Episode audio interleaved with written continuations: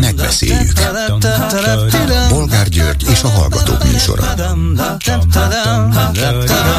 A műsor telefonszámai 061 387 84 52 és 061 387 84 53. Jó napot kívánok a Klubrádió mikrofonjánál, Bolgár György. Mai műsorunkban beszéljük meg, hogy Orbán Viktor holnapi tusványosi beszédére készülve fideszes politikusok egyre meghökkentő be- és kiszólásokkal szórakoztatják a nagy érdemű közönséget. Az el- előzenekarnak is hangosan kell szólnia.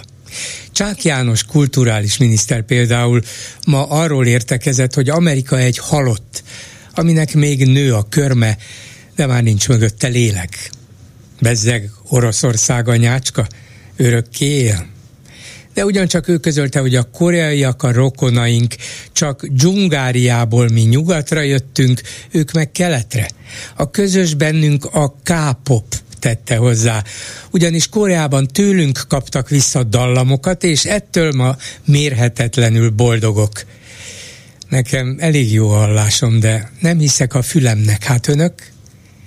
És akkor mi lehet a közös, az ugyancsak rokon észak-koreai diktátorban és a magyar önkényúrban? Hát ha egyszer rokonok vagyunk.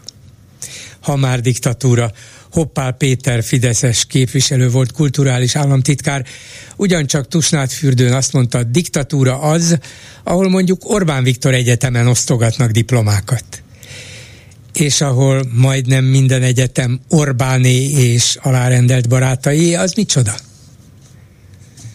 Következő témánk, hogy nem csak meghökkentő vereséget szenvedett a Fradi egy 50 ezer lakosú ország amatőr foci csapatától, de ezzel több milliárd forintot vesztett is. Amit lehet, hogy az államnak kell majd pótolnia mindannyiunk pénzéből. Ennyit mindenkinek megér, hogy legközelebb győzelemhez segítse a Ferencvárost? És a Fidesz egyébként győzelmet győzelemre halmozó sportpolitikáját?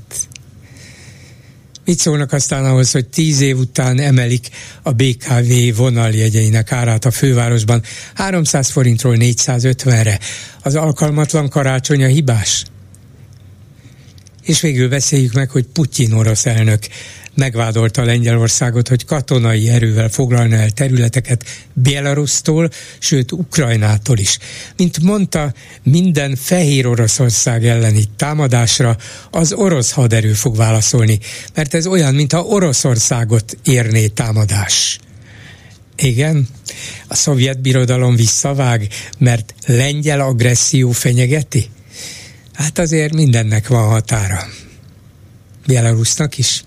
Telefonszámaink még egyszer 387 84 52 és 387 84 53. Háló, jó napot kívánok! Jó napot kívánok, Bolgár úr! Eh, Bolgár úr, meg tudná nekem mondani, hogy Orbán Viktor mi alapján választja ki ezeket a kormánytagokat? Valószínűtlen ilyen értelmi képesség szint alatt kell lenni, hogy valaki kormánytag legyen? Mert én azt hittem, hogy kósát meg kását már nem lehet alul fölülüberelni, de hát ezek, amiket mondanak, ez már, ez már hihetetlen. Nem az értelmi képességekkel van baj, hanem valami megfelelési kényszer működik, és nyilván úgy érzik, hogy nekik még jobban a főnök alá kell dolgozniuk, és ezért aztán ami az eszükbe jut, azt nyomják. De bolgárul az, hogy ön jó műsorvezető legyen, nem kell hülyeséget mondania. Elég, hogy remélem. remélem, remélem, de náluk lehet, hogy mégiscsak kell, mert minél nagyobbat mondanak, minél nagyobb őrültséget, annál több ember figyelmét keltik föl, és aztán Orbán Viktor mindent elrendez. És akkor mindig rólunk beszélünk ezen. Igen, hát lehet, lehet. Igen, itt a buszjegyárához szeretnék hozzászólni, mint benfentes. Hát, hát már késő, tehát ez már jó pár év ezelőtt kellett volna itt árakat emelni. Hát itt ahogy a, a igen, Karácsony Gergely hibás valamennyire lehet, hogy hibás, tehát azért már olyan infláció volt, és úgy elmentek az árak, hogy, hogy ez már nevetséges volt ez a buszár, és ugye előállt az az állapot, hogy és a NASA szakszereti vezető is nyilatkozott valamelyik hírekben, hogy, hogy olyan már rég meg kellett volna tenni, és micsoda hogy is mondja, feszültségek lesznek majd a buszsofőrök és az utasok között ez miatt, hogy emelkedik. Én nem hiszem, mert nem ettől függ előállt az az állapot, hogy az agglomerációba, ugye, aki ott helyben utazik és jön be Budapestre, az szinte ugyanannyi utazik abba a kis helyiségbe, mintha Budapesten furikázna. Mhm. A, a másik téma mint Fradi szurkolát a Fradiról. Hát, hát nagyon. Valamint még egy, egy pillanatra még erre Igen? a jegy áremelésre, és arra, hogy tíz éve nem emeltek árat. Ugye a Fidesz teremtette meg ezt a helyzetet ezzel a bizonyos rezsicsökkentéssel, hogy semmi ilyen kiadást nem lehet emelni, nem lehet növelni, és ezzel lényegében még annak idején tarlósra is nyomást helyeztek, és persze őt megsegítették, na de karácsony már nem segítik semmivel.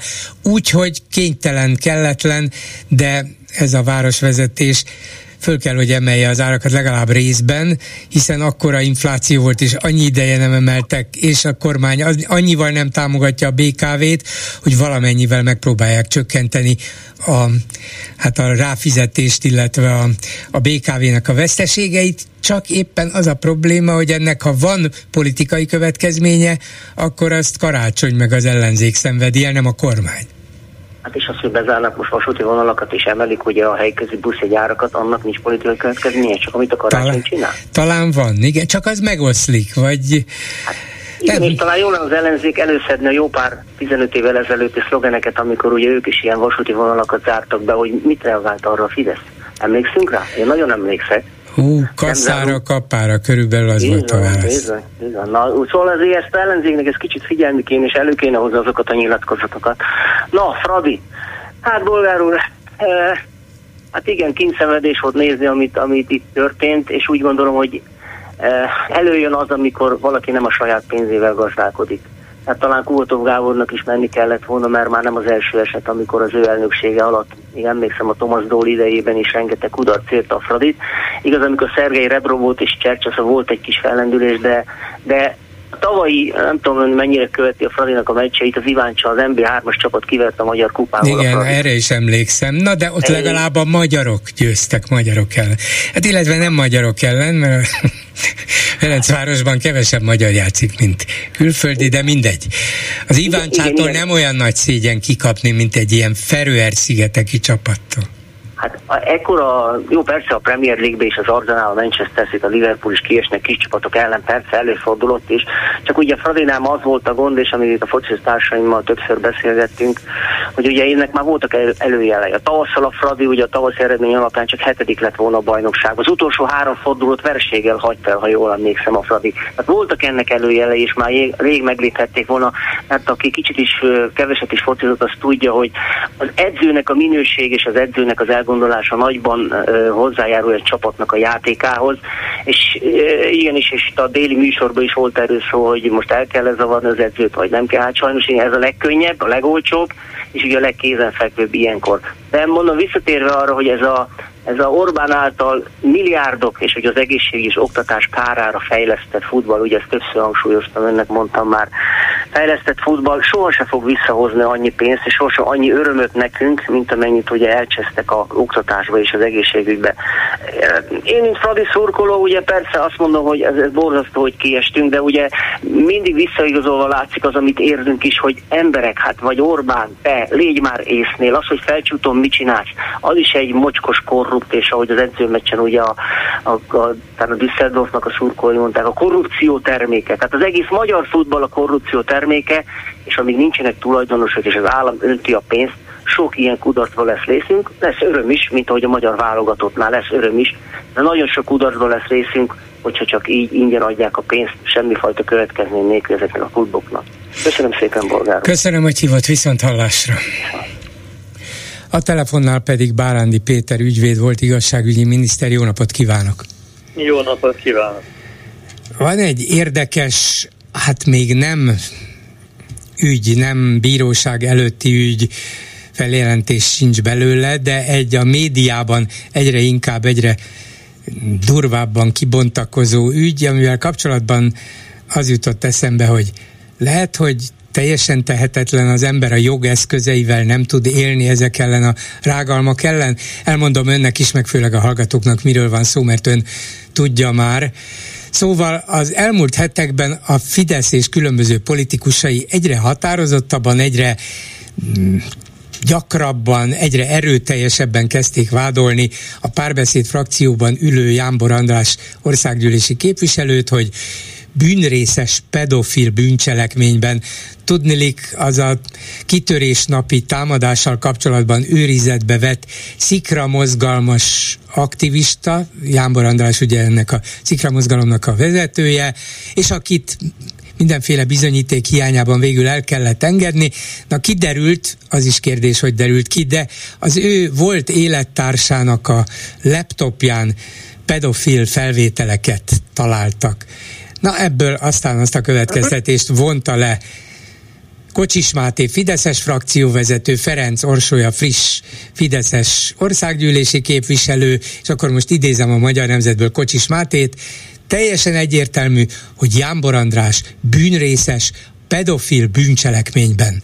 Ez olyan erős és olyan határozott kijelentés, hogy az én jogi érzékem azt, azt mondja, azt sugalja, azt súgja, hogy ezt nem köteles senki se elviselni. Mit mond az ön jogi tapasztalata?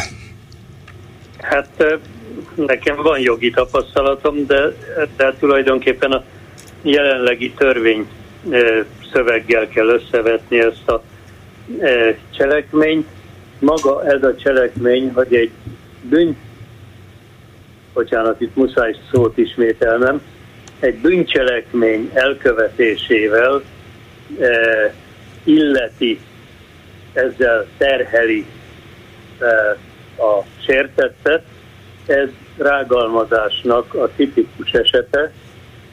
Ugye a tényállítást kell tenni, és olyan tényállítást, ami a becsület csorbítására alkalmas, és ezt mások előtt kell, más vagy mások előtt kell tenni. Eh, ez történik itt, hiszen azt mondja, hogy bűnrészes, nem tudom melyik, felbújtói vagy bűnsegédi bűnrészes, de bűnrészese egy súlyos bűncselekménynek. Ez egy tényállítás, ami becsület csorbítására tehát alkalmas, és a nagy nyilvánosság előtt történik. Az alapvetés tehát az, hogy ez a rágalmazás bűncselekményének a minősített esetét meríti ki, tehát ellene védekezésnek van lehetősége, magánvádas és magánindítványra üldözendő cselekmény, de védekezésre lehetőség van.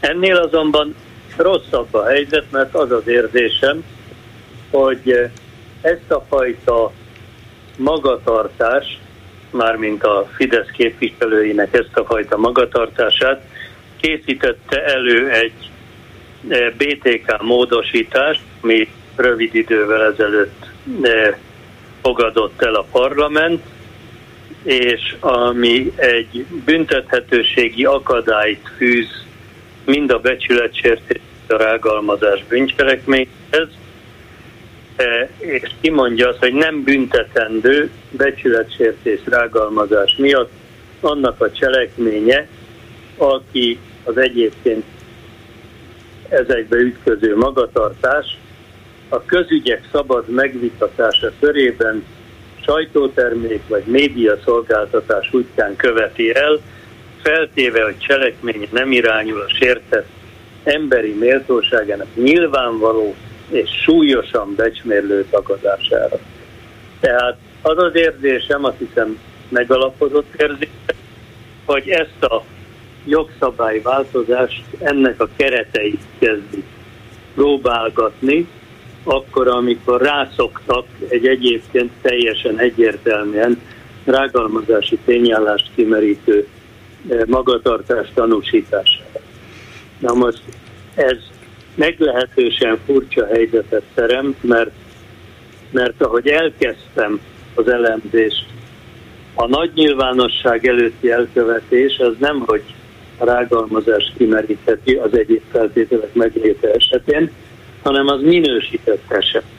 Tehát ha mondjuk 30-40 ember elő, vagy egy előadáson ezt elkövetem, akkor vitathatatlan, hogy a magánindítvány előterjeszthető, és valószínűleg büntetés lesz a vége. De ha 30 ezer vagy 300 ezer előtt, akkor nem. Van még egy kérdés, de azt most hagyjuk, az nem érdekes. De ha a sajtóban vagy médiaszolgáltatás útján eh, teszem ezeket a rágalmazó kijelentéseket, akkor van egy ilyen, ma már van egy ilyen büntethetőségi akadály, és szerintem ez a BTK módosítás volt az előzménye, a tudatos, mi úgy mondanánk büntetőjogások, hogy előre kitervelt előzménye eh, ezeknek az, az ilyen kijelentések elszaporodottságának. Na most, ha ezeknek persze az elbírálásáról lesz majd szó egyszer, akkor ez a BTK módosítás számtalan olyan e, kifejezést és szövegösszefüggést tartalmaz, aminek a mikénti elbírálására még nincsen joggyakorlat. Ugye, mert azt mondja, hogy a, a közügyek szabad megvitatása körében. Hát mind a három szó magyarázatra szorul és bírói gyakorlat után kiállt, vagy a végén, hogy, hogy e, nincs ez a kimentés, ha a sértett emberi méltóságának nyilvánvaló és súlyosan becsmérlő tagadására irányul. Hát ezek a szavak, ezeknek a tartalma, ez a bírói gyakorlat által lesz kitöltve, ha ez a borzalmas eh, büntethetőségi akadály marad, akkor a következő 10-15 évben. Na de az nem sérti súlyosan az emberi méltóságát egy parlamenti képviselőnek is, hogy bűnrészességgel vádolják meg egy olyan pedofil bűncselekményben, amelynek az elkövetése sincsen még bizonyítva, egyszerűen csak vannak arról hírek, nyilván kiszivárogtatott hírek, hogy mit találtak, de a kapcsolatot Jánbor András és az illető, vagy az illető esetleg elkövetett pedofil bűncselekmények között senki nem bizonyította. Viszont Kocsis Máté frakcióvezető közli, hogy hát egyértelmű, hogy volt pedofil bűncselekmény, Jámbor pedig bűnrészes. Ez nem az emberi méltóság súlyos sérelme nagy nyilvánosság előtt? Ez más, most kénytelen vagyok, ugye ezt negatívan szokta a köznyelv használni, hogy jogászkodni.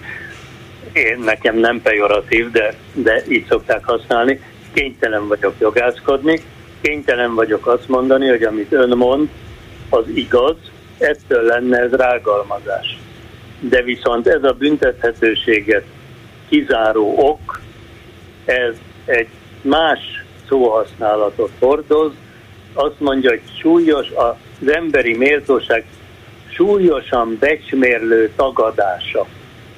Na most, hogy ez itt a bírói gyakorlat szerint egy ilyen esetben megállapítható lesz és megállapítandó lesz, vagy pedig arra fele tendál a bírói gyakorlat, hogy ilyenkor valami olyan esetről kell, hogy szó legyen, amikor állathoz, állati magatartáshoz hasonlít egy embert, vagy egy emberi magatartás, ez is lehet erre is alakulhat a bírói gyakorlat. Tehát nem tudok választ adni önnek, illetve olyan választ tudok adni, hogy ez a magatartás, ez kimeríti val- nagy valószínűség szerint a rágalmazás minősített esetét, és ha nem lenne ez a Fidesz által áterőltetett és elfogadott eh, módosítása a BTK-nak, akkor ez egyértelmű. De... Ez a módosítás teszi az egészben a büntetendőséget vitathatóvá. Uh-huh, értem, de akkor, akkor minden esetre ki kellene próbálnia mondjuk Jámbornak, hogy följelentést tesz Kocsis Máté és a többiek ellen rágalmazás miatt? Hát igen, ez, ez, ez valószínűleg a jogfejlődést szolgálná, mondom én jogászként, nagyon nagy macerával jár, hát el, meg kell fogalmazni, be kell nyújtani, utána el kell járni a bíróságra, és mivel ennek a jogi szörnyetegnek, amit csatlakoztattak a két bűncselekmény végére, ennek a büntetendőséget kizáró oknak, e, e, büntetési akadálynak a, az, értel, az eddigi értelmezési hiánya az labilissá teszi a kimenetelét az eljárásnak. Jogászként csak azt tudom mondani, hogy én nagyon szurkolnék, hogy legyen ilyen előterjesztés Jambor, mert picikét előbbre haladnánk az értelmezésben. Nem lehet rágalmazás helyett mondjuk személyiségi jogsértés alapon feljelentést tenni? Ez egy másfajta per volna, de lehet, hogy járható út? Feljelentés nem. Vagy pert indítani, igen. Elégtétel követelés. Ezt egyelőre még elmulasztotta a Fidesz, hogy ide is tegyen valamilyen akadályt de hát azért ez egy olyan magatartás, amiről most beszélünk, ami alapvetően a büntetendőségnek a szükségszerűségét veti fel, legalábbis az én ízlésem szerint. Tehát nem elsődlegesen nem egy polgári jogi marasztalás után kiállt, hanem inkább büntetendőség iránt. Igen, hát Kocsis Máté annyira konkrétan fogalmaz, hogy tényleg azután kiállt, azt mondja, és idézem a Magyar Nemzetből, Jámbor Andrásról és az egész szikráról megint kiderült, hogy ők azok, akik pedofil bűncselekményt követnek el. Ők azok, akik fedezik ezeket a bűnözőket. Pont. Ez, ez, ez az én megítélésem szerint súlyos megítélésű bűncselekmény, amit elkövet, hát nem... Már nem, a nyilatkozó, a nyilatkozó követi el. Nem, nem, igen, nem tudok az alól a feltételezés elől szabadulni, hogy a BTK módosítás ezt készítette elő.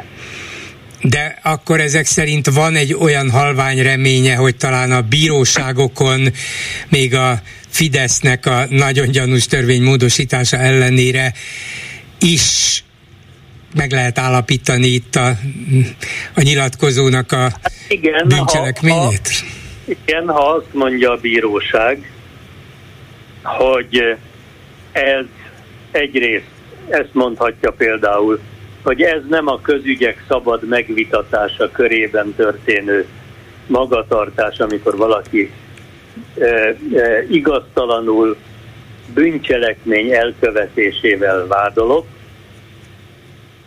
meg azt is mondhatja, hogy ez nem, hogy ez, e, hogy ez a, a, a, a, a sértett emberi méltóságának súlyos becsmérlő tagadása.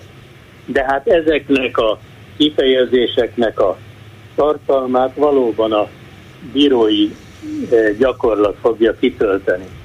E, e, én a, a magam értelmezésével azt mondom, hogy, hogy mindkét vonatkozásban negatívnek kell a, a bírói értelmezésnek majd kialakulnia, csak hát ez egy, egy szerény jóslat. Én nem tudom a, a, a, a közügyek szabad megvitatása körében e, e, előadott szövegként értelmezni ezt, amit, amit e, a képviselő előadott, és amellett megállapíthatónak tartanám azt is, hogy ez az emberi méltóság súlyosan becsmérlő tagadása is de ismétlem, a bírói gyakorlatnak kell ezt kialakítani. Báráni Péter ügyvédnek volt igazságügyi miniszternek. Köszönöm szépen, viszont hallásra! Viszont hallásra! Háló, jó napot kívánok!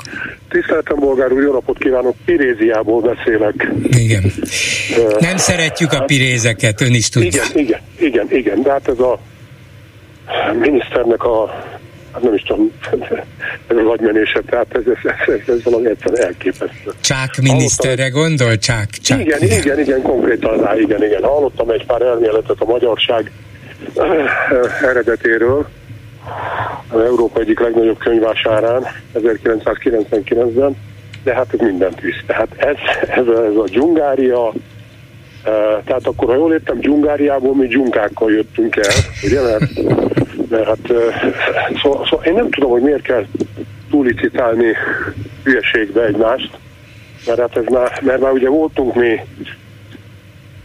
hogy is, kipcsakok, ugye?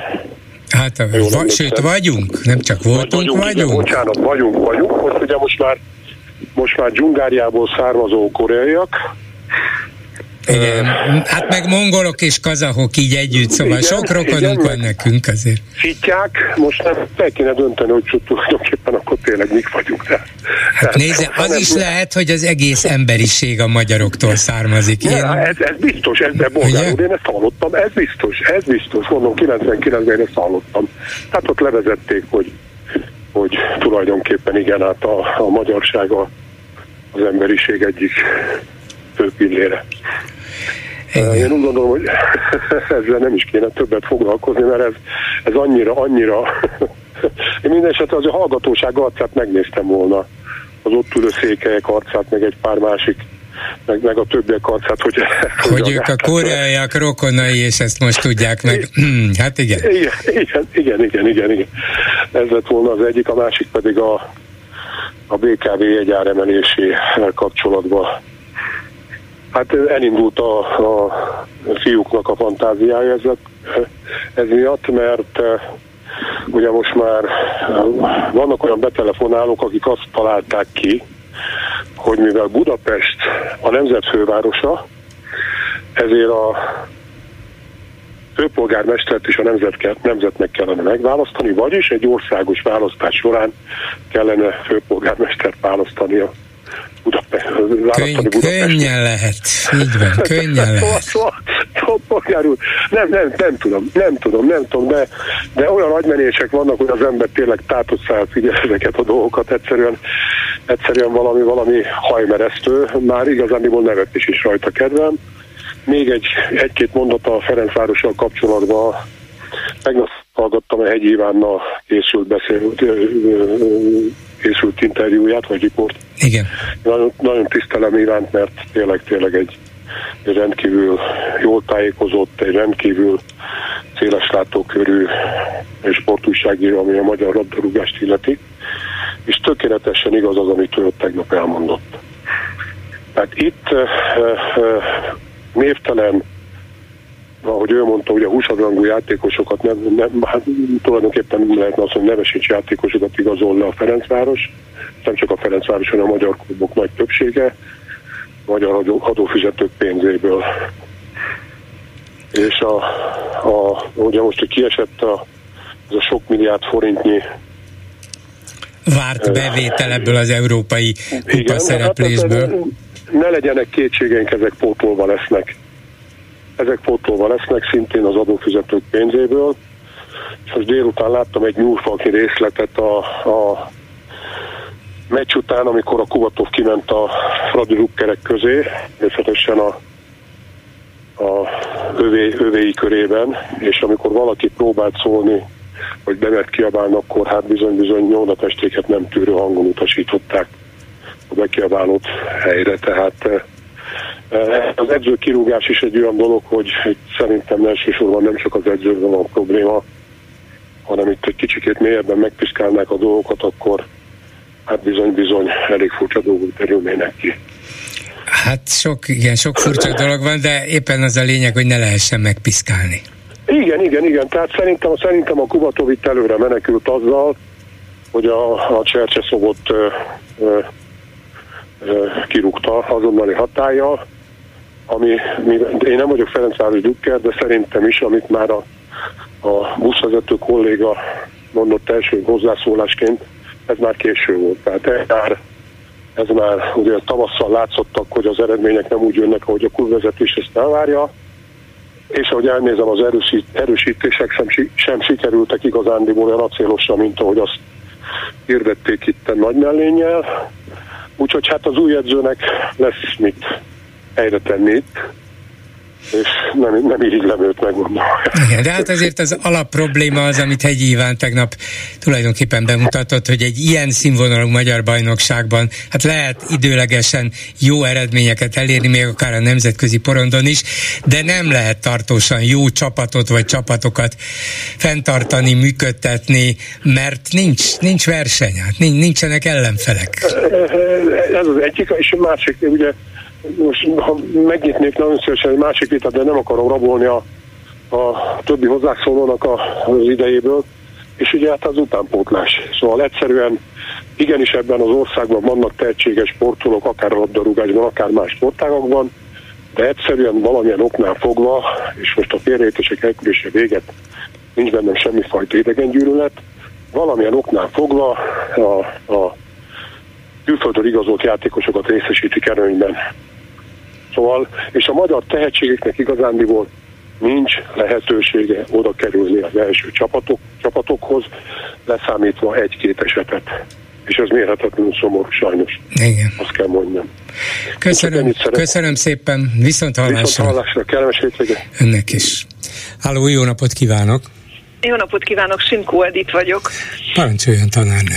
Um, eredetileg um, Hoppá Péter kapcsán szerettem volna megszólalni, de végighallgatva Bárándi doktort, uh, hát hogy is mondjam, szóval ők rendezni tudnék, mikor ezt hallom. Mert hogy uh, arról hallok gondolkodást, hogy az a jog, ami az emberséget, a morált teljesen elveszíti, azt hogyan kell valahogy megoldani, hogy mégis alkalmazható legyen a, a társadalomra. Szerintem ez kétségbeejtő. Tehát kétségbeejtő, hogy olyan jogi helyzetben van Magyarország, amilyenben, amikor egy embertelen morál nélküli diktatúra diktálja a jogokat, és ezen teljesen elkeseredtem. Hát van min, az a vicc, hogy tényleg az élet minden területén, és olyan látszólag még, még sokan ezt a törvénymódosítást egy szabadságot, szólásszabadságot erősítő lépésként értelmezték, hogy hát végül is nem helyes az, hogy valaki megszólal, és akkor ezt rágalmazásnak lehet minősíteni, még akár börtönnel is büntethető, hát védjük már meg a szólásszabadságot, hogy ne, hát a Fideszes elvtársak szólásszabadságáról van szó, nyugodtan vádolhatjuk pedofil bűncselekménnyel az ellenfelet, politikai ellenfelet, mert úgy se lesz belőle semmi, mert ilyen, ilyen nagy a szabadság nálunk. De ez megint a fogalmaknak a torzítása diktatúrában, mikor a szólásszabadságot, a szólásszabatosság, tehát egy, egy, egy, egy igaztalan torzítás ez. A szólásszabadság nem arról szól, hogy mindenkire mindent rámondhatok, és ez nagyon, tehát hogy eltűnt a morál a jog mögül, és ez a kétségbejtő, úgyhogy én szeretném könnyíteni a témát. Pedig a focihoz én nem nagyon értek, és nem nagyon szeretek róla beszélni, különösebben nem érdekel. Viszont most nagyon kétélű fegyver sült el ezen a Fradi meccsen és most nem a gazdasági részébe szeretnék mondani semmit, hanem hanem abba, hogy az egyik a focinak a nagyon nagy problémája egyébként, amiért szerintem ilyen rossz, az a túljutalmazás is. Tehát egyszerűen nincsen érdeke különösebben harcolni annak, aki benne van, és a túljutalmazás elveszi az örömöt, már pedig a sport öröme az nélkülözhetetlen a sikerhez, zárójeles megjegyzés volt. Amiért kétélű ez a fegyver? Az az, hogy, hogy a foci drukkerek között nagyon sok normál kétkezi munkás ember van, és tudják, hogy mennyire sokat kapnak ezek a focisták. És uh, itt van, hogy normál kétkezi munkás emberek lelkesedésből, hát finoman szólva laposra verték a Fradit ahol nagyon sok pénzért fociznak emberek, és ez, ez nem tesz jót az Orbáni diktatúrának. Mhm. Ez nagyon rosszul veszi ki magát, sokkal nagyobb felbuzdulást vált ki, és sokkal nagyobb ellentétet. Az emberek rá látnak a saját nyomorukra, szóval szerintem ez egy nagyon veszedelmes dolog. Olyan szempontból meg persze jó, hogy addig sem arra figyelünk, míg erre a botrányra, hogy egyébként meg milyen mondatok hangzanak el például tusványosan is, és hogy miket mond Hoppál is, ugye eredetileg ezért szerettem volna szólni, mert hogy beszólt a pedagógusoknak is, hogy milyen irigyelt szakmává változik. És ezzel a beszólással, ezzel az 50 napos szabadsággal ugyebár, és ezzel a beszólással én a maradó kollégáknak, akik nem mondanak föl, mert ragyog a gyerekeknek a két szép szeme, mert még szeretne táncolni a ballagóival, szeretné érettségire vinni az osztályait, tehát nem meri most megtenni, hogy hát ha leszünk elegen arra, hogy, hogy kiszálljunk, hogy összeomoljon, bár a jelek nagyon erősen erre mutatnak. Nekik szeretném mondani, hogy abban a pedagógus utálatban és megvetésben, amiben a propaganda által keverednek, abban még nehezebb lesz a túlmunkát végezniük, ami lesz nekik most. És az a szörnyű, Tehát... hogy ezt egy volt kulturális államtitkár mondja, zenész végzettségű, hát jó, a Fideszből sok minden rosszat kinéz az ember, de legalább azt gondolná, hogy egy, egy kulturált ember, akinek köze van az oktatáshoz, a kultúrához, az nem mond ilyeneket, és mond. De nincs köze a kultúrához, nincs, hát azért, mert valaki igen. tanult valamit a kultúráról, még attól lehet, hát hogy még vezette is azt a nyomorult kultúrát államtitkárként, ugye?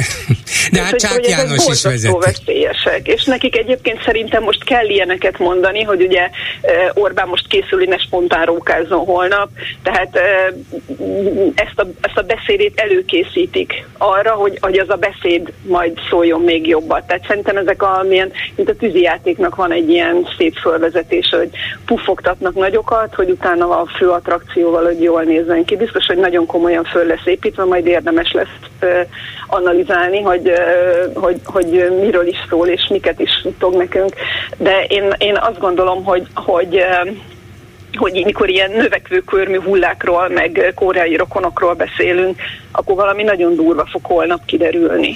És amiről nem beszélünk például, viszont nagyon érdekes tusványos, hogy például Puzsér ott volt végre egyszer meghívták, ővele próbálták demonstrálni azt, hogy, hogy mégis csak hát, nagy Voltak ott ellenzéki politikusok is, az egyik mindjárt itt is van a vonalban, beszélni fogok vele, tehát nem kivétel ebből a szempontból, ritka, de nem kivétel, és hát igaz, hogy nem a politikai beszélgetéseken, de Quimby van, Péter Fibori van, szóval olyan koncertek, olyan előadóktól, együttesektől, akik és amelyek nem nevezhetők kifejezetten a Fidesz hívének. Szóval vannak ilyen mondjuk hát műsorszámok is. oda vinni valahogy, mert egyébként akik maradtak, tehát Tóth Gabiék nem, szóval, hogy mondjam, szóval nem működnek, tehát a minőségük a kultúrához való közük, hogy visszatérjünk erre, ugye egészen más, hogy kultúráltan fejezzem ki magam ebben az esetben.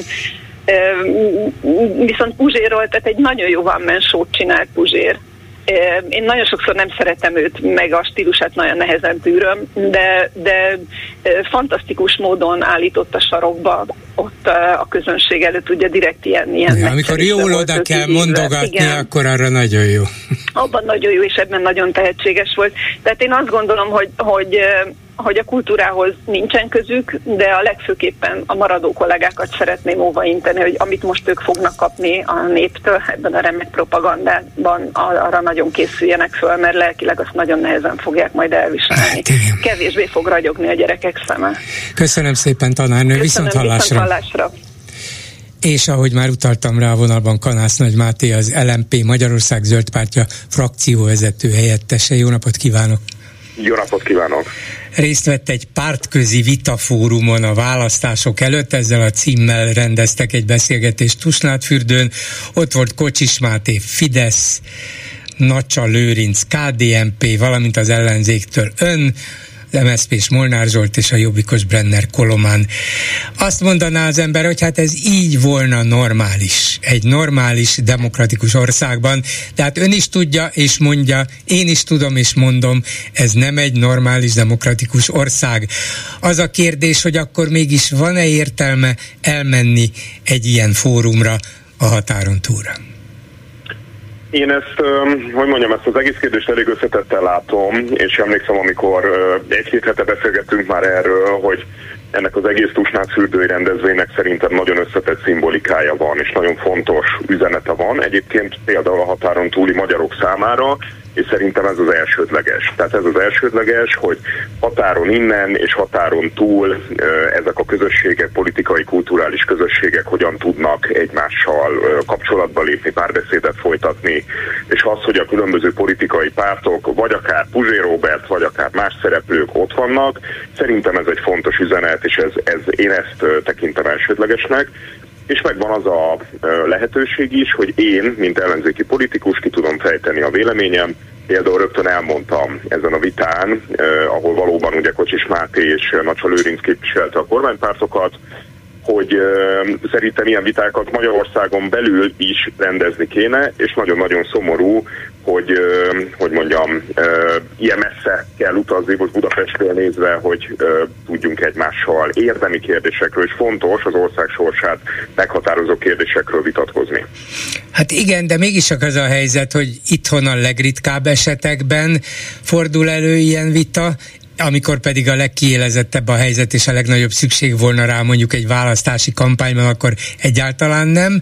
Tehát nem arról van ez szó, hogy a Fidesz a forma kedvéért mégis tesz ilyen gesztusokat, hogy hát meghívjuk mi az ellenzéket, vitatkozunk mi vele, hát bár nem, érdekli, nem érdemlik meg, de hát azért mi demokraták vagyunk, és ők is mondhatják a magukét, de önök tudják és tudniuk kell, hogy lényegében ki vannak használva a Fidesz céljaira. Még így is megéri? De nézd, szerintem a legfontosabb cél az csak az, hogy ott vagyunk a határon túl is, és kifejezzük azt a elköteleződésünket, hogy a határon túli közösségeket segíteni kell, és velük a kapcsolatot ápolni kell. Egyébként ezen a rendezvényen én először vettem részt, közel három napot sikerült eltölteni Tusnádfürdőn, nagyon sok fiatallal és régebb óta fiatallal sikerült ott beszélgetni, helyiekkel, székelyekkel, erdélyi magyarokkal, Na mondja, mondjon, kicsit... erről, mondjon erről valamit, mert kíváncsi vagyok például, hogy hogyan, milyen keretek között, milyen beszélgetéseket folytat ismeretlen emberekkel, akik nyilvánvalóan elsősorban a fidesz való szimpátiájuk kifejezése képpen, és az irántuk való érdeklődésből mennek oda, hát kivéve azokat, akik mondjuk csak a koncerteket akarják hallani, de aki a közélet iránt érdeklődik, az száz százalékban Fidesz elkötelezett. Hogy hogy tud velük, hogy tudott velük érintkezni, beszélgetni, ha kellett vitázni? Egyébként nézve, nem, tehát persze, természetesen a, a, a többség az igaz, amit mond, de szerintem nagyon sokan voltak, akik eljönnek, mert egész egyszerűen ez egy olyan rendezvény, ez egy olyan jelentőségű rendezvény, hogy egyébként is eljönnek. És nagyon sok fiatal jött el, nyilván a koncertekre, egyébként a Quimby koncert nagyon jó volt, ahogy a Vatfruttik is nagyon jó volt, vagy a Pál utcai fiúk, és gondolom, hogy Péter Fibor is nagyon jó lesz. Ezek a zenekarok, mondjuk a Quimby esetében, vagy a Pál utcai fiúk esetében viszont ugye ők már évtizedek óta járnak gyakorlatilag erre a rendezvényre, tehát ez régebb óta alakult ki.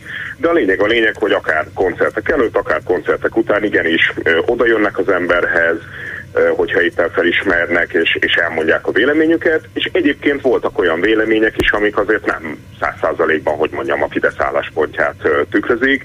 Úgyhogy én, nekem is volt egy ilyen benyomásom, vagy, vagy előzetes érzésem inkább évekkel ezelőtt, hogy ez aztán száz százalékban Fideszes rendezvény, azért ezt nagyon-nagyon korrigálni kell, és nagyon-nagyon árnyalni kell.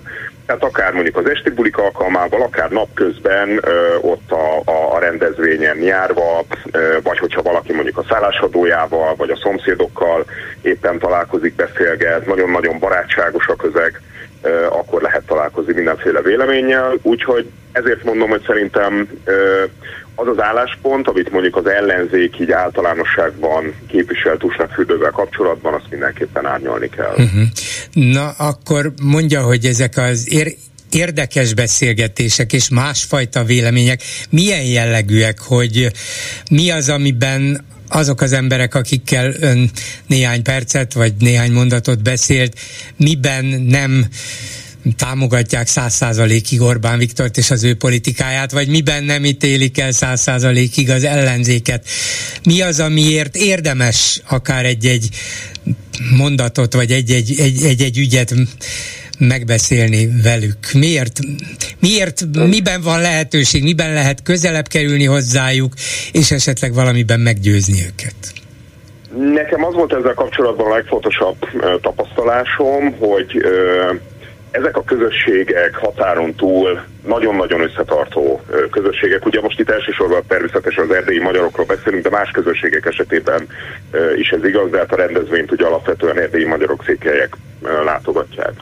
És hogy bennük van egy elementáris igény, hogy, hogy, hogy tartsák a kapcsolatot velünk, magyarországi magyarokkal, határon inneni magyarokkal, és hogy tényleg ez mennyire, mennyire egy őszinte igény, ez, és ez mekkora erőt jelent gyakorlatilag ennek a kapcsolatnak a felvétele és a tartása, és igenis ők nem csak a kormánypártokkal, kormánypárti politikusokkal vagy odakötődő emberekkel szeretnének kommunikálni, hanem nagyon-nagyon nyitottal és nagyon-nagyon barátságosan fogadnak mindenkit, így ellenzéki politikusokat is, és szerintem ennek a lehetőségét és erejét abszolút nekünk is meg kell találnunk, fel kell fedeznünk és, és építenünk kell ezt a kapcsolatot, de az LNP részéről mi próbáljuk is építeni, hát gyakorlatilag ugye a parlamentbe kerülésünk óta, 2010 óta kezdetektől fogva részt veszünk ezen a rendezvényen, most ugye ebben a politikai vitában éppen én képviseltem a, az LNP-t. Magán a fórumon milyen volt a közönség hangulata, reakciója, amikor Kocsis Máté érvelt önökkel szemben, vagy önök a kormányzattal szemben, szóval milyen volt a, a visszhang? Na most ez természetesen azért egy nehéz terep, tehát ez nem a hazai pálya, és nem a hazai pálya, pálya előnyeit élveztük, viszont mégiscsak megvan az a lehetőség, hogy amikor mondjuk azt mondtam Kocsis Máténak, hogy hát mondja már meg, hogy ő ugye mindig a szankciókkal érvelnek, és az energiakrízissel érvelnek, hogy emiatt óriási az infláció, és az egész Európai Unióban óriási az infláció, akkor ugye hogy van az, hogy pont Magyarországon a legmagasabb, és kiugróan itt a legmagasabb az infláció, eh, amikor ugye mondja a magyar kormány, hogy itt aztán mi egyáltalán nem vagyunk involválva ebbe a háborúba, mert ugye a magyar kormány ettől nagyon-nagyon távol tart minket. Hát ennek ellenére akkor hogy lehet, hogy mégis itt a legrosszabb a gazdasági helyzet, vagy amikor mondjuk az akkumulátor gyarmatosításról beszéltem, vagy arról beszéltem, hogy hát milyen fontos nemzeti ügyeink lennének, amikre én azt gondolom politikai figyelmet kellene fordítani túl mondjuk a, a Brüsszel, a szankciók, a migránsok, meg én nem tudom mondjuk a soros késztésen túl. Na akkor nagyon érdekes volt látni a közönségnek a reakcióját, amikor a kormánypárti politikusok, Nacsa Lőrinc vagy Kocsis Márti ugye nem reagált ezekre a felvetésekre, vagy próbálta valamiféle mondjuk személyeskedéssel lesöpörni az asztalról, tehát látszik, hogy igenis ez a közönség is figyel, ez a közönség is érti a politikát, és válaszokat vár mondjuk arra a kérdésre, hogy na ugyan mitől lesz jó mondjuk kelet-európai régiónak, hogyha telitelepítjük akkumulátorgyárral. És ezt nem kapja meg a kormánypártoktól, nem kapja meg azoktól a politikusoktól, akik felé mondjuk szimpátiával viseltetnek. De hát végül is az erdélyi vagy székelyföldi magyaroknak az itteni akkumulátorgyárak esetleges veszélye, fenyegetése nem olyan mindennapi égető és közvetlen kér, kér, kérdés, tehát azt mondhatják, hogy jó, jó, hát lehet, hogy az LMP-nek van valami igazsága ebben, de minket ez nem érint, és különben is Orbán Viktor jobban tudja. Szóval nem arról van ez szó, hogy ön úgy érzi, hogy egyes kérdésekben talán kinyitott néhány szemet, vagy felnyitott néhány szemet, vagy egy másodpercre, vagy néhány percre elgondolkoztatott valakiket, de alapvetően mégis az ön, vagy az önök jelenléte azt szolgálta, hogy a Fidesz ezzel is legitimálja azt, hogy Magyarországon demokrácia van, Magyarországon szabadság van, Magyarországon az ellenzék is nyugodtan csinálhat, amit akar. Ide jöhet például Tusványosra is, részt vehet egy vitában, és mellesleg tudjuk, hogy úgyse ér el vele semmit, mert a mi véleményünket fogják támogatni, nekünk hisznek, ők pedig hát ehhez még hozzá is járulnak a saját jelenlétükkel. Nem volt ilyen érzése, hogy akarva, nem akarva, de mégis a Fidesz érdekeit szolgálja? De nézd, tehát ebből a narratívából, vagy logikából kiindulva, én azt mondom, hogy lehet ennek az érvelésnek igaza, amit ő mond, de szerintem ez egy csapdahelyzet. Tehát ez egy olyan csapdahelyzet, hogy persze be lehet, be lehet kerülni, és akkor ott vagyunk, hogy hát igen, elismerjük, hogy mi vagyunk azok, akik legitimáljuk a rendszert, hát igen, a rendszer az nem elég demokratikus, hát igen, igen, igen, épül le a jogállam, és akkor jaj, mi lesz ebből. Na most szerintem ebből a, ebből a csapdahelyzetből ugye nincs előre. Tehát ebből nincs előre, viszont abból van előre, hogyha abból a dimenzióból nézzük ezt az egész kérdést, hogy igenis vannak lehetőségek, vannak platformok, amiket meg kell ragadni, határon innen és határon túl, és igenis mindenhol el kell mondani a véleményünket, mindenhol képviselni kell azt, hogy egyébként mi mit gondolunk a világról. És mondjuk az LNP Magyarország zöldpártja túl a Brüsszelen, a szankciókon és a soroshozáson gondol valamit a világról, és nagyon markánsat gondol a világról, Nem akarok most a akkumulátor gyarmatosításra visszatérni, de egyébként mondjuk akár Magyarország, Románia, Szlovákia, Lengyelország esetében van egy olyan közösség, egy sors közösség, hogy minket itt fél perifériának tekintenek, és akár nyugatról, akár keletről mindenféle környezetkárosító beruházásokkal akarják telirakni az országainkat, aminek nagyon-nagyon súlyos hatása lesz. Na és például lehet beszélni ugye a félperifériának a hátrányairól és a helyzetéről és a kitörési módokról, és szerintem az egy nagyon unikális helyzet, hogy ezt pont egy tusnádfürdői rendezvényen lehet megtenni. Tehát még egyszer az önérvelését én értem, és elfogadom, de szerintem azt is látni kell, hogy a kiutakat kell ebből a csapdahelyzetből megtalálni. Köszönöm szépen Kanász Nagy Mátének, az LMP frakcióvezető helyettesének. Viszont hallásra! Viszont hallásra! A hírek után is lesz mit megbeszélni. Hát akkor nézzük, hogy milyen témáink vannak ma délután. Orbán Viktor holnap délelőtti tusványosi beszédére készülve fideszes politikusok egyre döbbenetesebb be és kiszólásokkal szórakoztatják a közönséget. Csák János kulturális miniszter például arról értekezett, hogy Amerika halott, egy olyan halott, aminek még nő a körme, de már nincs mögötte lélek.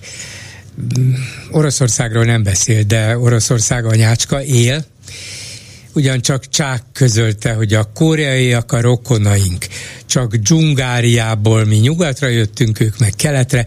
A közös bennünk a K-pop, ugyanis Koreában tőlünk kaptak vissza dallamokat, és ettől mérhetetlenül boldogok. Csak tulajdonképpen csak hápogok, de ez nem, a, nem valamilyen kacsatánc. Mi lehet a közös az ugyancsak rokon észak-koreai diktátorban, Kim Jong-unben és a magyar önkényúrban, meg se nevezem. De hát ha rokonok vagyunk, akkor kell, hogy legyen valamilyen közös bennük is. Hoppál Péter, Fideszes képviselő volt, kulturális államtitkár is nyilatkozott, beszélt Tusnát fürdőn. Azt mondta, hogy diktatúra az, ahol mondjuk Orbán Viktor egyetemen osztogatnak diplomákat és ahol majdnem minden egyetem Orbáné, illetve alárendelt barátai, az micsoda. A Fradi meghökkentő vereséget szenvedett egy 50 ezer lakosú ország amatőr foci csapatától, de ezzel több milliárd forintot is elvesztett, mert kiesett a bajnokok ligájából, és lehet, hogy az államnak kell majd pótolnia ezt a nagy összeget. Végül is nem mindegy, már úgyis 100 és 100 milliárdokat költöttek focira, most 4-5 milliárddal több vagy kevesebb, nem mindegy. Mit szólnak aztán ahhoz, hogy tíz év után emelik a BKV vonaljegyek árát a fővárosban, nyilván karácsony a hibás, és Putyin orosz elnök azzal vádolta Lengyelországot, hogy katonai erővel foglalna el területeket Belarusztól. Márpedig minden fehér Oroszország elleni támadásra az orosz haderő fog válaszolni. Ez ugyanis olyan, mintha Oroszországot támadnák meg, közölte Putyin. Szóval vannak olyan magyar politikai vezetők, tudják kik, akik azt állítják, hogy Oroszországnak eszébe sem jut a NATO országait megtámadni, fenyegetni. Hát ez nem úgy hangzik. Igaz, hogy azt állítja Putyin, hogy a lengyelek támadnák meg Lukasenka Belarusiáját, vagy Belarusát, de ismerjük ezt az orosz taktikát, tehát tulajdonképpen mindig a másik támad, ők csak védekeznek, de Belaruszt is megvédik az oroszok, és még mit, és kit, és hol. 387 84 52 és 387 84 53 a számunk. Háló, jó napot kívánok! Jó napot kívánok, Bolgár úr, üdvözlöm Önt is, a hallgatókat is, Bújtorné vagyok. Parancsolja. Az előbb, mikor Kanász Nagy Mátéval beszélgetett, akkor valahogy úgy fogalmazott, hogy hát azáltal, hogy elmentek tusványosra az ellenzékiek, és ott elmondhatták a véleményüket ők is. Nem csak a kormánypártiak, hanem az ellenzékiek is, ezzel a Fidesz kvázi azt akarja bizonyítani, hogy itt nem Magyarországnak szólásszabadság van, mindenki elmondhatja a véleményét. Nem tudom, hogy igen, jól igen, igen. És, Nagyjából igen. ezt mondtam. Így igaz. Nekem egy bajom van. Hol van tusványos? Mert ez nem Magyarország. És Magyarországon nincsenek ilyen vita lehetőségek. Ha jól tudom, most lehet, hogy nem vagyok elég tájékozott, de. Na, nagyon ritkán, nagyon ritkán szűk körben vannak, vannak olyan igen, fideszes engem, rendezvények igen, vidéken, ahol engem, lehet, jó, igen. Engem az, ö, nekem az ütötte meg a fülemet, és ütött szíven, hogy én azt mondtam, hogy hát íme Magyarországon is vannak ilyen lehetőségek, és hogy már kvázi ez az egész fideszes propaganda, ez ö, odáig megy el, hogy tustványost, mintha Magyarország részévé te, ö, részének tekintenék, és ez engem nagyon-nagyon mhm. zavar. Uh-huh. Nagyon furmányosak ám ebben Orbánék, ugye a miniszterelnök talán tegnap, de lehet, hogy ma találkozott a határon túli magyar politika, politikai szervezetek, pártok vezetőivel, tehát ott voltak Vajdaságból, ott voltak Felvidékről, Kárpátaljáról, Erdélyből, és így tovább, Romániából. Vagyis úgy tesz Romániában, itt fürdőn, hogy hát kérem szépen itt az egykori Nagy Magyarországhoz tartozó, abból részesedett országokban élő magyarok politikai képviselőivel tartok én egy beszélgetést. Nem mondja ki, hogy Nagy Magyarországot akarom helyreállítani, de lényegében ezt jelzi egy ilyen találkozóval is. Úgyhogy nem véletlen, hogy, hogy Tusnádfürdőn mondja el ezeket az általában nagy visszhangot keltő és bizonyos célokra alkalmas beszédeit, mert, mert ezzel is jelezni akarja, hogy mi nem mondtunk le erről sohasem, ez is bizonyos értelemben még ma is hozzánk tartozik. Engem éppen ez zavar leginkább, tehát, hogy hogy nem Magyarország területén, mert azért emlékeim szerint mégiscsak van egy, hogy mondjam, egy mi ez a Wiener minek mondják ezt? Bécsi szelet? Ez, ja, ugye, mármint, hogy a... Már a, a jelenlegi a, Magyarország igen. formájára szokták igen, mondani, igen, hogy igen. ez egy ilyen bécsi szelet. Na most szerintem ez még mindig megvan. Tehát, hogyha ezen kívül akárki ö, magyar nemzetiségűekkel, netán magyar állampolgársággal is rendelkezőkkel tárgyal, az akkor sem Magyarországon tárgyalás. Tehát az nem Magyarország. És ezt valahogy ö, tudatosítani kellene, és ha szabad önt megkérnem, akkor még véletlenül sem mondjon ilyet, hogy a de, Fidesz ezek szerint, De ezek szerint vagy véletlenül mondtam, vagy félreérthetően mondtam. Én nem gondoltam, hogy Magyarországon.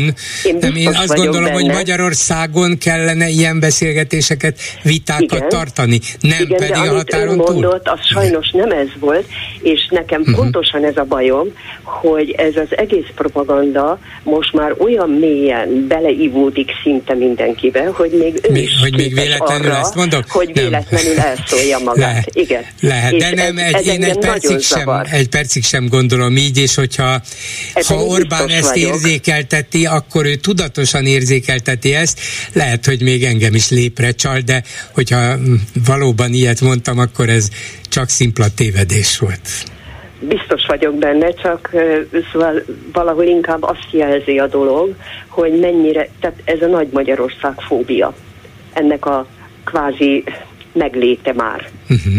Szóval engem ez zavar igen, nagyon, igen. És, és maga az a tény, hogy ha Magyarországon el akar mondani valamit az ő saját politikájáról, akkor azt miért nem a Wiener tehát a jelen Magyarország határain belül mondja el, miért kell neki ahhoz ö, határon túlmenni. Mert ezzel akarja érzékeltetni, hogy Magyarországnak a, hat, a jelenlegi határokon túl menő, azon túlmutató súlya van. Én itt is magyar közegben beszélek, tudjátok, hogy én azoknak vagyok a szellemi politikai örököse, akik még az egykori Nagy Magyarországon éltek, és így tovább. És nem felejtjük ezt el, és nem felejtjük el azokat sem, akik a határon túl élnek most. Én értek mindent, csak egyre szomorú igen, vagyok igen. emiatt az egész miatt. Úgyhogy ennyi lett Köszönöm volna. szépen. Köszönöm viszont hallásra. Egy hallgató a vonalban, jó napot kívánok! Jó napot kívánok, Zolt vagyok.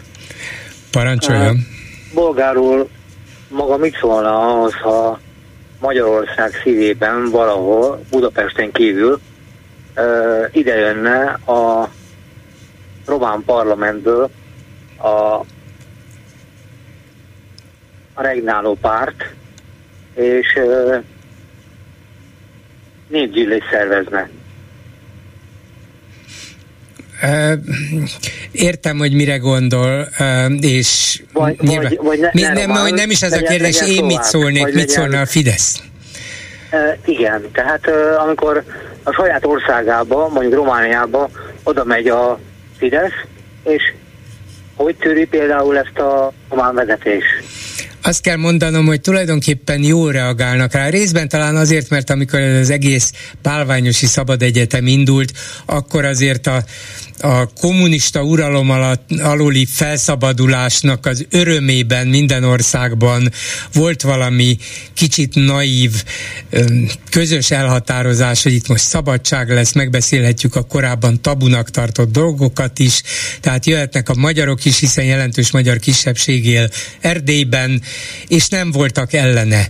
És aztán szép lassan a Fidesz ezt megkaparintotta, megszerezte, átalakította, és Fideszes politikai propaganda gyűlés sorozattá alakította át, de a román hatóságok, román kormányzat, román politika igyekezett úgy tenni, mintha ezt nem nagyon venné észre, vagy nem akarná észrevenni, nem akarta felnagyítani, mert úgy érezte, hogy ezek a felesleges konfliktusok többet ártanának, nem kell a dologgal igazán törődni. Körülbelül ez a román politika szerintem ügyes reakciója.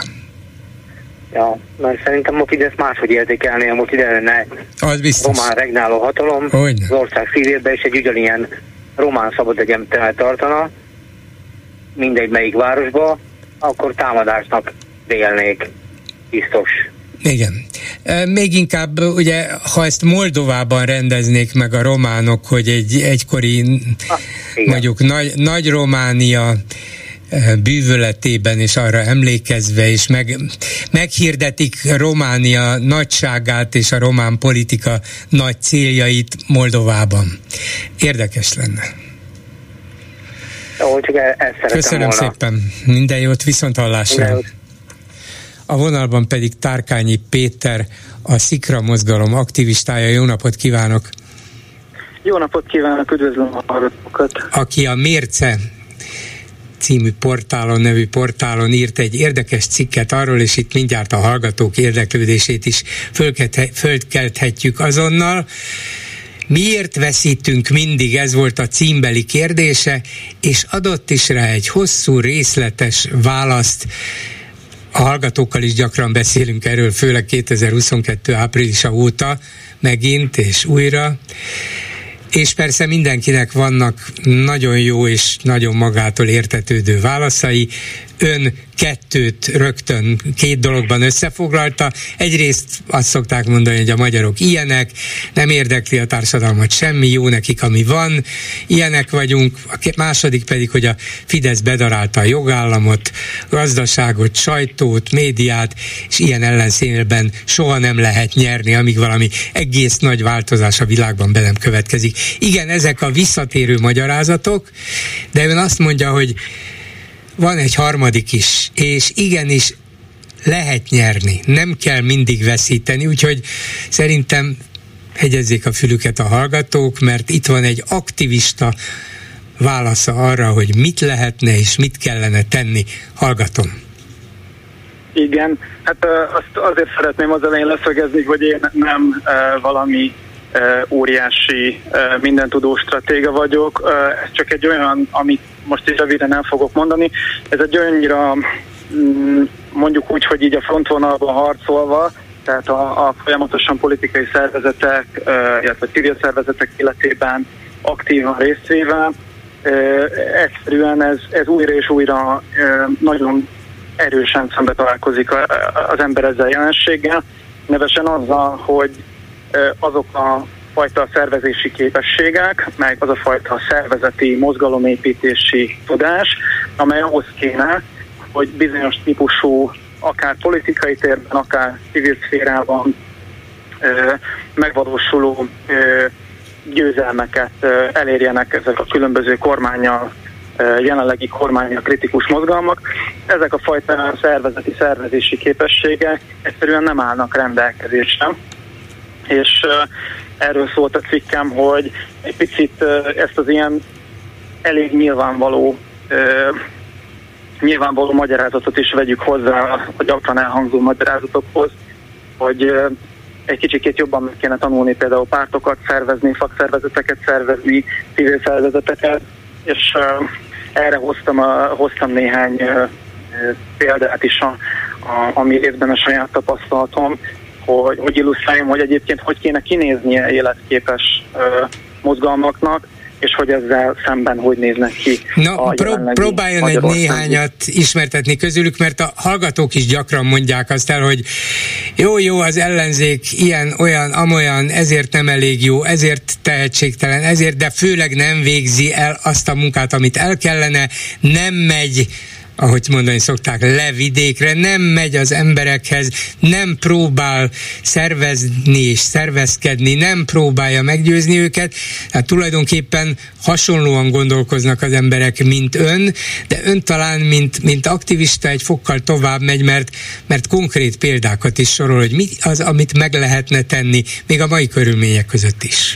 Igen, hát ö, például ö, például azt meg lehetne tenni, vagy hogy, hogy mondjuk azt, hogy hogy néz ki, hogy néznek ki egy sikeres uh, mozgalom, uh, vagy különböző mozgalmak, például, hogyha a tanárszakszervezetek képesek lennének arra, hogy több napon keresztül és magas részvételi aránya, tehát nem 10-15 százalékos, hanem mondjuk 75 százalékos részvételi arányjal szervezzenek sztrájkot, akkor az képes lenne elérni a kívánt hatást, még a fidesz szemben is, de erre azért nem képesek a, a, a szakszervezetek, nem azért, nyilván ott van az is, hogy a, a, a Fidesz rendkívül erősen ellentart a szakszervezeti mozgalomnak, meg a, a, a dolgozói önszerveződésnek, de közben ott van az is, hogy nem professzionálisan csinálják, tehát nem, például nem folytatnak megfelelően a, a, a szakszervezetek közösségedmány szervezést, nem nincsenek felállítva azok a, a, a megfelelő oktatási, ilyen továbbképzési ö, centrumok, amivel a, a különböző munkahelyeken, ö, településeken lévő szakszervezeti, aktív szervezők ö, kiképezhetnék magukat, és professzionálisan szervezhetnék a saját közösségüket. Ez csak, ez csak egy példa. És de, de a szakszervezetekben igen. dolgoznak, hát azt kell mondanom, a maguk területén profik, nagyon sokat is dolgoznak, sokat járnak különböző intézményekbe, sokat próbálnak szervezni. Lehet, hogy nem jól csinálják, lehet, hogy valamit nem tudnak, vagy nem tudnak alkalmazkodni ezekhez az egyre romló körülményekhez, de van valaki, vagy valamilyen szervezet, akitől vagy amelytől meg lehetne ezt tanulni, hogy hogy lehet 2023-ban szakszervezet szakszervezeti munkát szervezni, szakszervezeti aktivistákat találni, és megtanítani őket arra, hogy hogyan lehet hatásosan beszélni a többi kollégájukhoz? Va- meg lehet ezt valahol tanulni, vagy csak szándék és akarat kérdéshez? Én azt gondolom, hogy abszolút tanulható, és abszolút lehet ebben fejlődni, és ami nagyon reménykeltő, hogy Magyarországon vannak is ilyen emberek, és ezt kiemelem a cikkben, hogy nagyon sok olyan csoport van a, jelenleg magyarországi szakszervezeti mozgalomban, akik abszolút profin csinálják a szervezést, és ezekkel az emberekkel beszélni, és látni, hogy hogy hogyan szerveznek meg egy, egy 600 fős gyárban egy 100%-os részvételi arányú sztrájkot, és a takarítótól a, a, a vendégmunkáson át a mérnökig mindenki egyszerre részt vesz benne, akkor azt látom, hogy igen, bizony ezeket a képességeket meg lehet szerezni, és meg lehet tanulni, csak arra kellene valamilyen politikai stratégia, hogy ezeket, ezeket a tudásokat, és akkor most a szakszervezeti mozgalomnál maradtunk, de ez minden, tehát a, a politikai pártokra, egyéb civil szervezetekre is él, ezeket a fajta szervezési tudásokat hogyan adjuk át egymásnak, és uh, hogyan propagáljuk ezeket kicsit uh, kicsit szervezettebben, meg tudatosan. Igen, ez biztos, hogy így van, csak um, ugye a szakszervezeteknél talán a versengés nem olyan egyértelmű és nyilvánvaló, ezek könnyebben tudnak együttműködni, vagy talán az érdekeik is ezt kívánják, tehát akár az egyik tanulhat a másiktól, még egy pedagógus szakszervezeti vezető is elmehet abba a gyárba, ahol százszázalékos részvétellel tudtak sztrájkot szervezni, és megkérdezheti, hogy mi is volt az a konkrét módszer, amivel eljutottál hozzájuk, mivel győzted meg őket, hogyan vezényeltétek le az egészet. Ez tehát lehetséges, és biztos meg is kapja a segítséget. De a pártoknál már, hogy egy, egy nagyobb, akár több ezer tagságú, tagsággal rendelkező párt átadja a saját szervezési tapasztalatait egy néhány száz taggal rendelkező pártnak, az már kérdéses, még ha mindketten az ellenzéki oldalon állnak is. Így van, ez egy, ez egy releváns probléma, de én, én azt gondolom, hogy erre a fajta ö, szolidaritásra ö, szükség van, és, ö, és azt gondolom, hogy ha nem is bármelyik párt, bármelyik párttal, de, de lehet tanulni, gondoljunk csak bele, hogy mondjuk ö, ezt el lehet kezdeni ott, hogy, hogy akkor üljünk le másik pártnak a pártigazgatójával, vagy az Y megyei elnökkel, aki rálát arra, hogy hogyan kell helyi szervezeteket szervezni, és rengeteg-rengeteg olyan tudás van, amit az egyik át tud adni a másiknak, vagy rengeteg olyan külföldi egyébként szövetséges vagy szövetségesnek tekinthető át, meg mozgalom, szerveződés van, akiktől ezeket a tudásokat be lehet hozni. Tehát gondolok itt konkrét mozgalmi vezetőkre, vagy gondolok itt kampánytanácsadókra, vannak olyan emberek, akiknek ez a szakmájuk és jók benne, és értenek ahhoz, hogy hogyan kell helyi szervezeteket felépíteni, hogyan kell embereket bevonni, hogyan kell kampányozni. Azt is írja, hogy például a mozgalmak akkor tudnának jól működni, hogyha fél év alatt akár háromszor is végig tudnának kopogtatni 80 egyéni választókerületet, bár azt hiszem 160, de mindegy, akkor 85 vagy 106 és benne minden házat és lakást. Ez nagyon jól hangzik, de vannak erre egyrészt módszerek, másrészt van erre emberük, elég aktivistájuk az ellenzéki pártoknak, még ha össze is adják a teljes um, képességeiket és a, az összes aktivistájukat, van erre erő, tudás, szervezettség, ember? Pénz, mert valamennyi pénz is kell hozzá. Így van. Szerintem ö, az, a, az ebben a kiinduló pontom, ö, vagy ezt is próbálom érzékeltetni a cikkben, hogy nem az a szűk keresztmetszet, hogy nincsenek egyébként kormánya kritikus emberek Magyarországon, hanem elképesztően sok ember van, aki kritikus a kormánya. Ezeknek az embereknek egy része egy ilyen része olyan pozícióból, olyan társadalmi pozícióban van, mert lehetővé teszi, hogy ő, hogy ő aktivizmust, meg politikai munkát végezzen. Tehát például ezért mondom, hogy a, az értelmiség körében rendkívül magas az ellenzékiek aránya, a, a Fiatalok körében, körében diplomá, diplomások körében rendkívül magas, és ezek olyan erőforrások, amiket nem használunk ki, mert azt látjuk, hogy mikor már odaérünk, hogy oké, okay, itt van XY párt, és meg kéne mozgatni az embereket, akkor nem jutunk el oda, hogy ebből az óriási nagy merítésből képesek legyünk uh, kiszedni azokat az embereket, akik cselekedni akarnak, és, és uh, lehetőséget adni nekik, hogy olajozottan uh, bevonódjanak, de nekem az az állításom, hogy ez abszolút lehetséges, sőt, ez a fajta politizálás, ami, ami a, a, a tömegeknek a bevonásán és a, a, a tömeges aktivizmusnak, mint, mint, mint kampányeszköznek vagy politikai eszköznek a használatán alapul, ez egy, egy olyan ellenszere lehetne a Fidesz rendszernek, a Fidesz rendszerének, amit eddig nem nagyon tudott, vagy próbált meg senki megfelelően kihasználni, hiszen oké, okay, hogy a Fidesznek nem tudom, 30-szor annyi pénze van, hogy óriás plakátokon reklámozva, meg leuralta a médiát, meg megváltoztatja a jogszabályokat, stb. stb. De azzal nem tud semmit kezdeni, hogyha fogunk 20 ezer aktivistát, és végigkopogtatjuk az országot. És nekem az az állításom, hogy, ezt a, hogy el lehet érni azt a képességet, hogy meg vannak olyan mozgalmak, lehetséges, hogy fognunk meg egy párton belül szervezetten 20 ezer embert, és kopogtassuk végig az országot.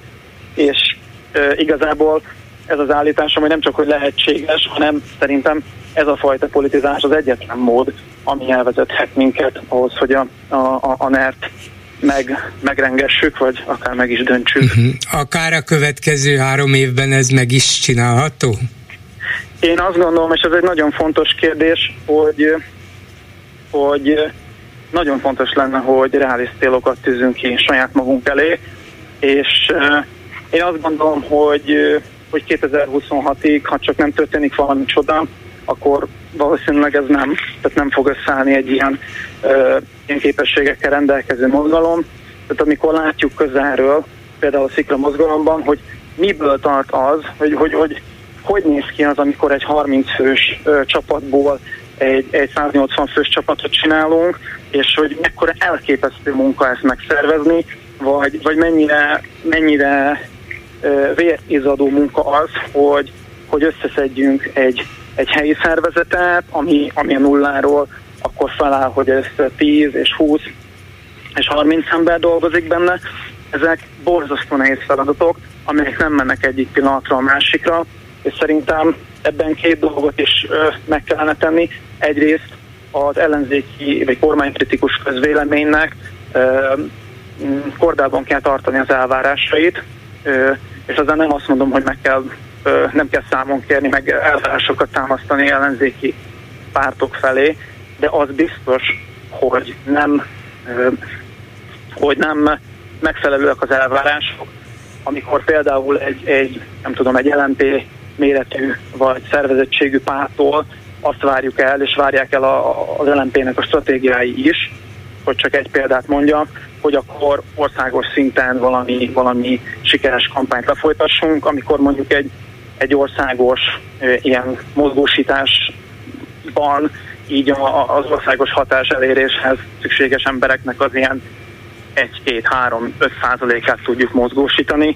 Tehát egyrészt ezeket az elvárásokat kell realisztikussá tenni, és nem azt mondani, hogy igen, most megpróbáljuk megverni a Fideszt, és tudom, hogy ez, nagyon, ez egy nagyon keserű pirula, pirula ezt lenyelni, de szerintem ezt, ezzel szembe kell nézni, hanem mondjuk olyan célokat kitűzni, hogy oké, okay, itt van ez a mozgalom, amiben ennyien vagyunk, ilyen képességeink vannak, és nézzük meg, hogy ezekkel a képességekkel mit tudunk elérni.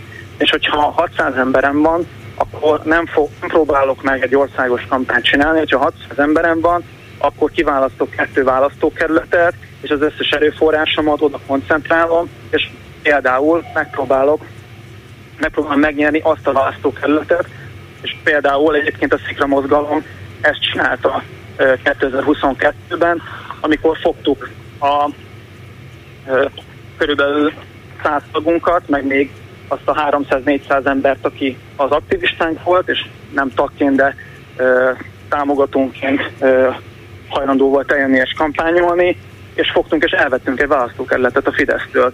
És erre nagyon-nagyon kevés ö, mozgalom volt képes, és azt gondolom, hogy ha, ha azokat az erőforrásokat, amik vannak, ö, nem arra használnánk, hogy újra és újra fejjel nekirohanjunk a falnak, és ö, újra és újra kétharmadot szerezzünk, hanem szerezünk a Fidesznek. Igen, tehát újra és újra kétharmadot szerezünk a Fidesznek, hanem a Fidesznek, az, bocsánat, igen, az erőforrásokat így értelmesen és logikusan arra koncentrálnánk, amik amik, ahol eredményeket lehet elérni, mert arra van erő és arra van képesség, akkor talán több lehet az egésznek az eredménye. Értem, és egy kicsit ugyan lehűtötte talán a várakozásainkat, hogy azonnal nem lehet mindent megmorzgatni, és, meg, és felforgatni, és győzni, de ha szisztematikusan éveken keresztül ilyen módon szerveződne az ellenzék és különböző pártjai mozgalmai, akkor előbb-utóbb talán, hát ha csak de nem köszönt a teljes egypárti uralom, akkor, akkor mégiscsak van remény egy kicsit hosszabb távon. Körülbelül ez a lényeg, ugye? És hát szerintem még ehhez talán egy, egy dolgot tennék hozzá, hogy egyrészt, oké, most le, le, próbálom lehűteni a kedélyeket, de egyrészt vannak, vannak csodák, vannak csodálatos pillanatok a, a, a politikában, vagy a történelemben, amikor valami olyan földrengésszerű változás jön be, amikor, hogy, hogy olyan dolgok, amiket az hittük, hogy, hogy 10 év vagy 20 év megcsinálni, egyik pillanatra a másikra megtörténnek, viszont ezekre a pillanatokra, ezeket nem, azt hiszem, hogy nem tudjuk kontrollálni, és akkor készen kell állni, hogyha ezek a pillanatok eljönnek, és kell, hogy legyen egy csapat, egy, egy mozgalom, vagy akár mozgalmaknak a, a szövetsége, amelyik ott van, mikor ez eljön, és akkor akár e, az évtizedes időtárnál gyorsabban is eljöhet a változás. Ez az egyik, amit még szerettem volna.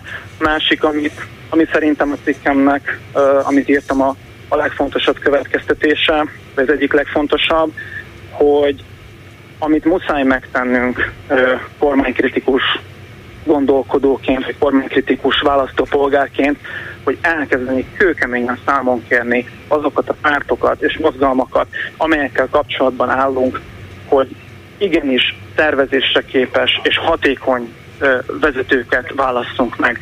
És az a helyzet, hogy azok az emberek, akik ma az ellenzéki, altpárti ellenzéket vezetik, azok nem ilyen emberek.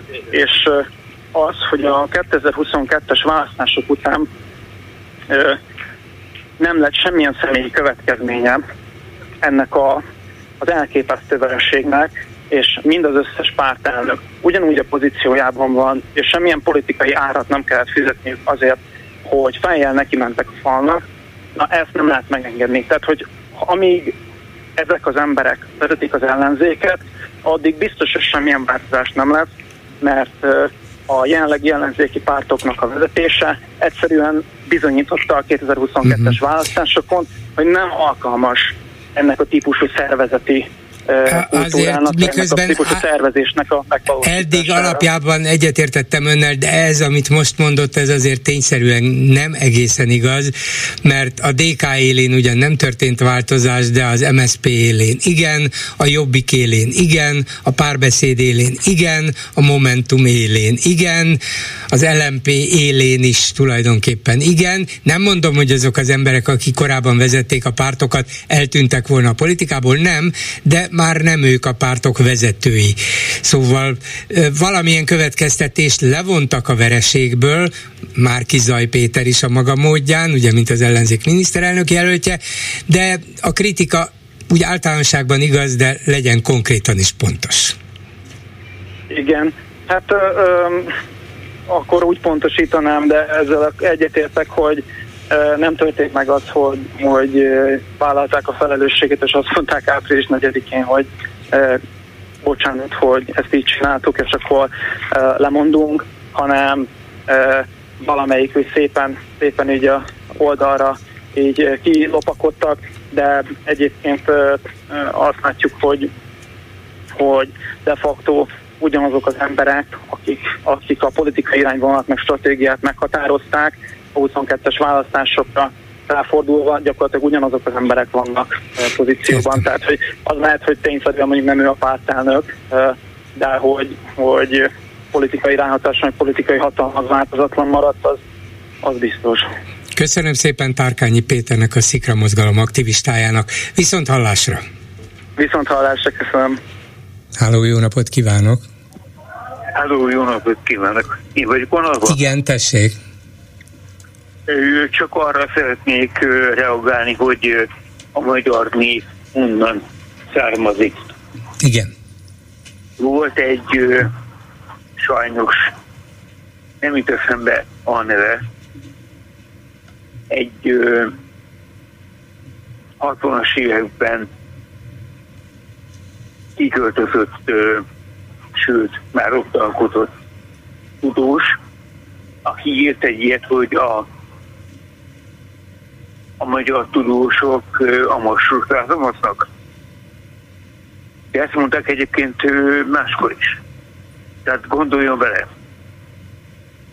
Philip Morris azt mondja például, hogy ha jól emlékszem, hogy furcsán néznek ki, és okosabbak a földi embereknél. Hiába próbálták ezt eltikkolni, de őket a túlsúlyuk, a matematika, a fizika, azt hiszem a muzsika és multi van még ott, ő le lehet veszi. Ez vannak területek, ahol ezek az emberek vannak.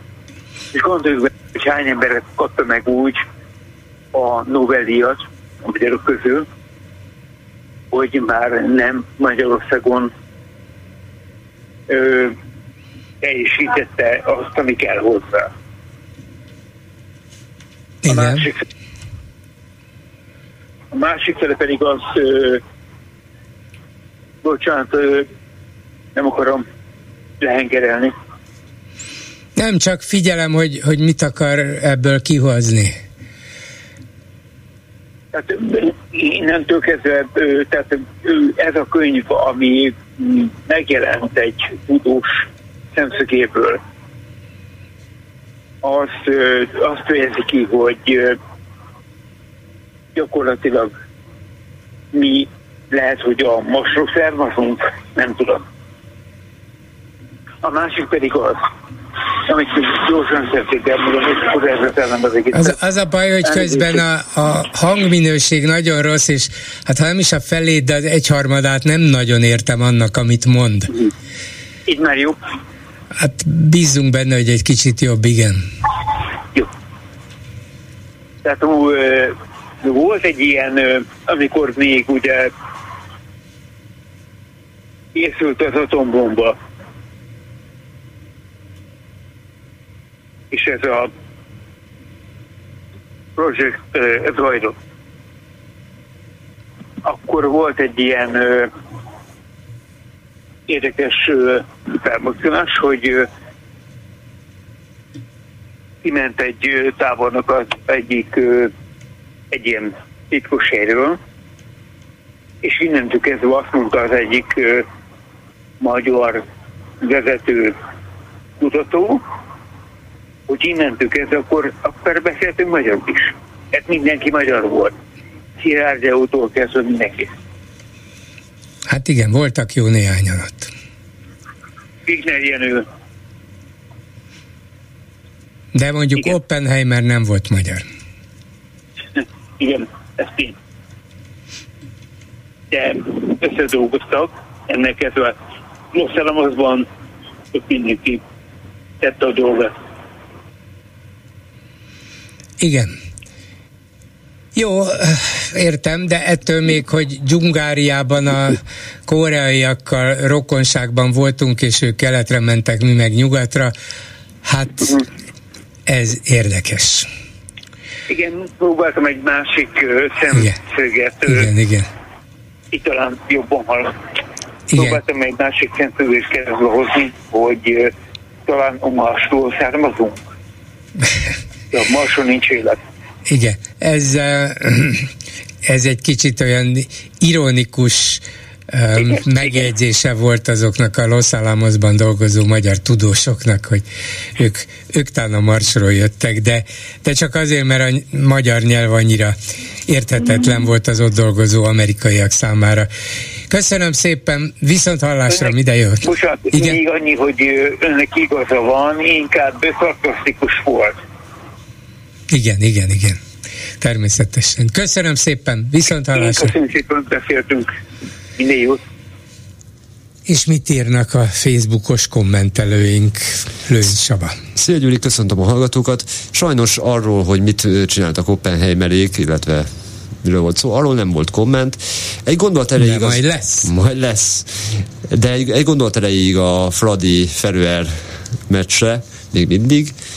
14. Lajos csak Igen, akkor adott, egy gondolat egy bánt gond, engemet. Az, a, hát nem egy gondolat ezzel a meccsel, ezzel a két meccsel kapcsolatban, gondolom én, de a leglényegesebb, 14. Lajos csak akkor adott fizetést az orvosának, amikor egészséges volt. A focisták is akkor kapjanak fizetést, ha nyernek. Ez nem rossz, de hogyha olyan fizetést alkudnak ki maguknak minden győzelem után, amivel végül is kijön az a fizetés, amit megkapnak most így nyilván szerződésben előre meghatározva, akkor nem biztos, hogy tovább jutunk, bár lehet, hogy van benne valami. Ha győznek, akkor megkapják, ha veszítenek, akkor nem. Igen, én az, arra, gondol, arra gondolok, hogy egy meccsből is lehet valaki, lehet valaki nyugdíjba. Csak egyszer Igen. kell nyerni. De akkor nagyon. De akkor nagyon. Csák miniszter szerint a koreaiak a rokonaink, csak dzsungáriából mi nyugatra mentünk, ők keletre, így szólt a hír. Ezzel kapcsolatban született rengeteg komment. Koreából jönnek az akugyárak, persze, hogy rokonoktól, rokonainktól vesszük. Hát végül is magyar találmány, ez is nyilvánvalóan magyar fejlesztés, csak hát a koreaiak hozzák ide a rokonaikhoz. Üzenem Csák Jánosnak. És különben is Dzsungária, az is kínai, tulajdonképpen kínai terület, ma ott Mongólia alatt, és vagy nem egészen, de tegyük föl, valahogy a kínaiak is benne vannak, és, és ők is hoznak akkumulátorgyárat, úgyhogy az is magyar termék. Tehát utánunk dobják gyakorlatilag nyugatra. Igen. Üzenem Csák Jánosnak, hogy én nem vagyok rokona egy koreai embernek sem. Ha ő igen, javaslom költözön Észak-Koreába. A vicc az, hogy mondjuk lehet, hogy légből kapott az egész, vagy inkább azt mondanám, hogy legenda, vagy csak nagyon-nagyon közvetett, nem is bizonyítékok, de utalások vannak erre, de Koreában van egy olyan viszonylag sok hát már akit érdekel, ez sok helyen elfogadott felfogás, hogy, hogy a magyarok a rokonaik. Úgyhogy Koreában ez talán nem tűnik annyira, de nyilván nem érdekli őket, hogy a magyarok rokonaik-e vagy sem, de minden esetre én hallottam, hogy a koreaiaknál ez nem olyan mm, abszurdum, mint amilyennek itthonról ez tűnik, de ettől még nem biztos, hogy igaz, sőt. Valakinek azonban Matolcsi gondolata jutott eszébe, hogy akkor most már nem a japán babák piros pöttyös feneke a mi De szerintem mi a japánokkal, a kínaiakkal és a koreaiakkal is szoros rokonságban ja. vagyunk. Ez, ez, ez, ez szép lekövetni. Mert távolra szakadt rokonok vagyunk. Vajon az Erdélyben élő magyarok is büszkén vállalják a koreai rokonságukat? Igen, ez egy érdekes kérdés volna. Ö, nem tudom, de, de tulajdonképpen olyan mindegy, nem? E, ettől Koreával is nyugodtan lehetünk jóba, és nekem másokkal is, nem kell ez rokonnak lenni. És akkor ez, ez, ez a nyugatra való utunk megváltozott azzal, hogy ugye Orbán pedig otthon érzi magát a türk tanácsban? Igen, na most akkor tényleg a törökökkel, vagy a koreaiakkal, vagy a kazahokkal, vagy mindenkivel. Végső soron mindenkivel. Csak az de... európaiakkal nem. Igen, ez, ez nekem is nehéz De volt egy régi vicc még ez a szocializmusban, amikor még nem tartoztunk a nyugathoz, most már legalábbis politikai értelemben Orbán mindenféle hát kihúzóckodása, meg kifelé tartása ellenére mégiscsak oda tartozunk. Szóval a szocializmus időszak alatt volt egy olyan vicc, hogy a finnekkel voltunk, akkor most már kezdik tagadni ezt a nyelvrokonságot, de akkoriban nem, hogy hát az a baj, hogy amikor elindultunk együtt Európa felé vagy nyugat felé, akkor a finnek tudtak olvasni, és azt mondták, hogy nyugat arra, és arra felé mentek, ki volt írva, ki volt írva egy táblára, magyarok meg nem tudtak olvasni, és ezért jöttek erre fele, úgyhogy mi meg itt maradtunk keleten. Természetesen ez csak vicc volt, hülyeség volt, de a lényeg az, hogy a finnek jobban eligazodtak arra, hogy merre felé kell menniük, teszem hozzá, az oroszok azért nem nagyon voltak meggyőződve arról, hogy a finnek jó helyen vannak, úgyhogy igyekeztek mm. őket is a befolyásuk és hatalmuk alá vonni. Most se nagyon ö, értenek egyet azzal, hogy jó helyen lennének például a NATO-ban. Így van, úgyhogy um, Putyin figyelmeztetéseire jó odafigyelni. Nem biztos, hogy a lengyeleknek ugrálniuk kéne, mert még kiderül, hogy az oroszok őket is meg fogják védeni. Jámbor ügyében, így a következő komment, szerinte, mármint a kommentelő szerint felmerül még a hamis vád is, ami bűncselekmény. Főleg akkor, ha eljárás indul, nem marad pusztába kiáltott hazug szó. Nem vagyok jogász, de a BTK szerintem egyértelműen fogalmaz így a komment. Hát miután nem látom itt a BTK vonatkozó előírásait, szabályait, én hiszek Bárándinak, hogy ez a néhány hónappal ezelőtt hozott BTK változtatás, ami lehetővé teszi a szabadabb rágalmazás sajnos, ez az, azért született, hogy ezt nyugodtan megtehessék, de minden esetre éppen az ő tanácsai alapján azt lehet mondani, hogy érdemes kipróbálni, hogy a bíróságok mit fogadnak el.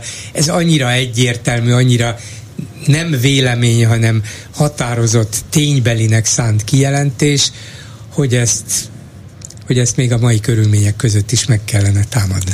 Az oktatás ügy aktuális állásáról egy gondolat. Német Szilárd volt honvédelmi államtitkár és dolgozott képesítés nélküli napközis nevelőként, majd tanítóként, tanárként, igazgatóhelyettesként, de mi köze van neki kultúrához és a pedagógusokhoz? Hát mint képesítés nélküli államtitkárnak mindenhez köze van. Aztán Kanász Nagy Mátéról egy gondolat. Az akkumulátorgyárak kapcsán akkugyár gyarmatosításról beszél. Csak nekem jut eszembe erről a belga együttes gyarmat című száma. Hol van a magyar nehézipar? Külföldieknek eladták. Kéne a termőföldünk nekik. Bolgárok meg tudták csinálni a bulgárit, mi miért nem tudjuk megcsinálni a hungárit? Hát nem tudom, erről is lehet beszélni, de Ennyi lett volna a komment De jönnek az akkugyárak. Köszönöm szépen. Egy hallgató még a vonalban. Jó napot kívánok! Halló? Halló? Hall engem valaki? Mert akkor kérem, hogy szóljon bele a telefonjába. Jó napot kívánok! Ez az. Halló? Jó napot kívánok, tessék! Igen, igen, igen, jó napot kívánok, igen, igen. Én először ehhez a, ehhez a dzsungáriás témához szerettem volna, de aztán egy nagyon rövid mix lenne így belőle. Hát ugye voltunk már a kopcsik, kopcsikok, vagy kopcsákok? Kipcsák, vagy... kipcsák, kipcsák, kipcsák. Kipcsákok, kipcsák, kipcsákok, igen. igen, tehát ezek váltakoznak ezek a dolgok. Hát van ez a Tusnádfürdő, ugye itt a, a Duna...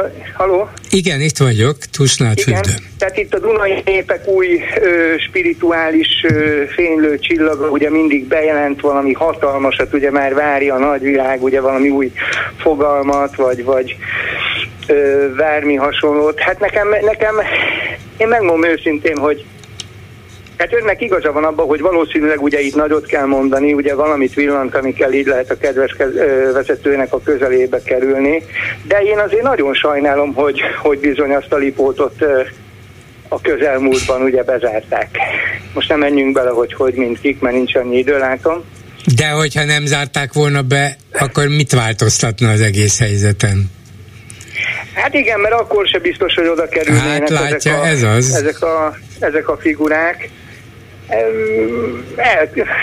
elképesztő. Tehát én azt mondom, hogy ezt, ezt tehát én már az, már nincs annyi időnk, tehát nem megyek bele, de nagyon rövid leszek. Én azt mondom, hogy én már sokszor azon gondolkodom el, hogy, hogy már elnézést kérek, hogy többes számba beszélek, hogy, hogy mi nem vagyunk, vagy én nem vagyok normális, vagy ezek, vagy, vagy, vagy én egyszer nem is tudom.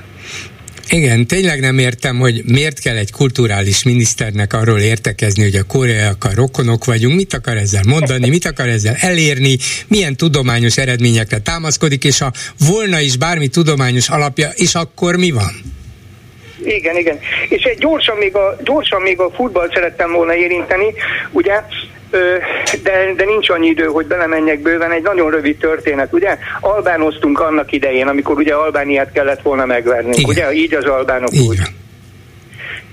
Na most megnézték az albán válogatottnak a játékos keretét, ezek Olasz, Olaszországba és Spanyolországba játszottak, szinte kivétel nélkül mind, és kapaszkodjunk meg, a, leg, a legolcsóbb labdarúgójuk, azt hiszem a transfermárk szerinti legolcsóbb játékosuk, az az az Uzoni volt, aki a Ferencvárosból kihagyhatatlan volt. Uh-huh. Igen. Tehát azért ez, ez, ez konkrét tény, tehát azért ez mutat valamit. Hát persze sok mindent mutat, csak az ember arra gondol, hogy óhatatlan. a magaslóról itt is szállni, Igen, ugye? és Tehát átpolitizálták az egészet. Átpolitizáltak mindent, megpróbáltak ilyen dicsőséges sportpolitikává átalakítani. Mi pénzt költünk rá, és meghozzuk a magyarok számára a győzelmet, Igen. a büszkeséget, az örömet, a dicsőséget, támogassatok bennünket. Ez az 50-es évek focia, csak hát akkor sokkal jobb volt, ugye van ezért egy analógia, ugye Kocsis Máté a kézilabda szövetség elnöke, Tálai, Tálai elvtárs, ugye mezőkövest, Persze. ura. Hát mindegy, nem menjünk bele, mert nincs idő. Köszönöm, hogy meghallgatod. Köszönöm szépen, viszont hallásra. Minden jót, viszont. Ezzel a megbeszéljük mai műsorra véget ért. Készítésében közreműködött Bencsik Gyula, Lőrinc Csaba, Erdei Tünde, Simon Erika és Csorba László. Bolgár Györgyöt hallották, viszont hallásra a jövő héten. Most pedig jön az Esti Gyors. Esti Gyors, a hírek háttere. Jó estét kívánok, Szénási Sándor vagyok. Van az úgy néha, hogy a sors kiengedi az embert a turista csapdából, és valami igaz életszerűségbe keveredik, elmerül a helyiek tengerében, beleiszik a sörükbe, stb. Ez most kétszer történt meg velem július elején, először az angliai Durhamben, aztán a nem kevésbé angol Yorkban. Diplomaosztás folyt mind a két helyen, a katedrálisokban a végzősök háladó misén vettek részt, az atyák, mármint azok, akik elfelejtettek asztalt foglalni, udvarias és könyörtelen csatákat vívtak az éttermi helyekért, és végül idegenekhez is hajlandók voltak odaülni.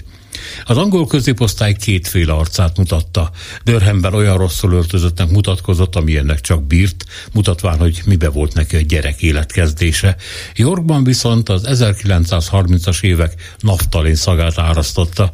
De hát York maga a múlt, a középkor pesgő szelleme hiába létezik csak 1963 óta az itteni egyetem mert hát Dörhem 1832 óta tagja a Szent Háromságnak, akkor csatlakozott 600 év után Cambridgehez és Oxfordhoz. Egyébként joghoz hasonlóan Public Research Egyetem, vagyis az oktatás mellett a tudományos kutatás a fő profilja. Kétszer volt az év egyeteme. Érdekes módon ezt a címet újságoktól kapta, először a Sunday Times-tól, aztán a Sunday Times-tól és a Times-tól a legjobb sport egyetem címet. 2018-ban tüntették ki a kiváló egyetemeknek létesített Queen's Anniversary Prize díjjal. Oktatói közül többen tagjai a Royal Society-nak, a British Academy-nek, a Royal Society of Edinburgh-nek, stb. A QS University ranking szerint a 78. a világrangsorban, tehát híres előkelő. Ahogy York is a maga 162. helyével a Cockorellis Simons londoni minősítő szerint. Mégis veszélyben van mind a kettő. A Yorki Egyetem bevétele 2021-22-ben elérte a 459 millió fontot, ebből 80 millió volt adományos szerződéses, tehát céges kifizetés, a kiadásai viszont jóval meghaladták az 500 milliót. A lyukak betömködése folyamatos. A helyzet ugyanis az, hogy az angol középosztály az, amelynek tagjai olyan megkönnyebbülten parádéztak Durham és York régi terein, már nem nagyon bírja fizetni az oktatási költségeket, és egyre kevesebb gyereket irat be az egyetemekre. Ezeknek a csődje tehát egészen biztos lenne, ha nem állna helyt 20-25 százalékban a több mint fizetőképes kínai, arab, orosz, török és bizony egyre nagyobb mértékben indiai középosztály. Létszámukat tekintve nyugodtan meglősolhatjuk, hogy az indiai lesz az új kínai a Szigetországban és a kontinensen is. Az angol középosztály így velük keveredve issza a pubban a Guy Fawkes sört, mert hát a nagy puskapor összeesküvő Yorki születésű, naná, hogy egy él is őrzi az emlékét. Bár a kínai-indiai szülőknek ez mindegy. Mégis nagyon fontosak ők, mert nélkülük az angol egyetemi kutatórendszer már szétesett volna, bár így is megérzik azt, hogy a Brexittel ostoba módon megfosztották magukat a kelet-európai diákoktól. York hiányzó 100 milliója, az ő hiányuk fontban pontosan kiszámolva. Az már a közelgő baj előjele volt, hogy a Dörhem Egyetem a tízes években adományt fogadott el az iráni kormánytól, Kuwaittól és a British American Tobacco-tól, meg más tuti helyektől. Szemlesütve ugyan, de tétovázás nélkül. Viszont az egyetemek könyörtelenül üldöznek mindenféle megkülönböztetést, faj alapú ítélkezést. Minden cinizmus nélkül mondom. Az angol középosztályi gőg valaha volt ormai, enélkül ma már csak romok lennének. A nemi, vallási, szexuális, fai tolerancia, a diverzitás, maga a túlélés. Megfontolásra ajánlanám ezt a magyar ugaron is. Esti gyors, a hírek háttere.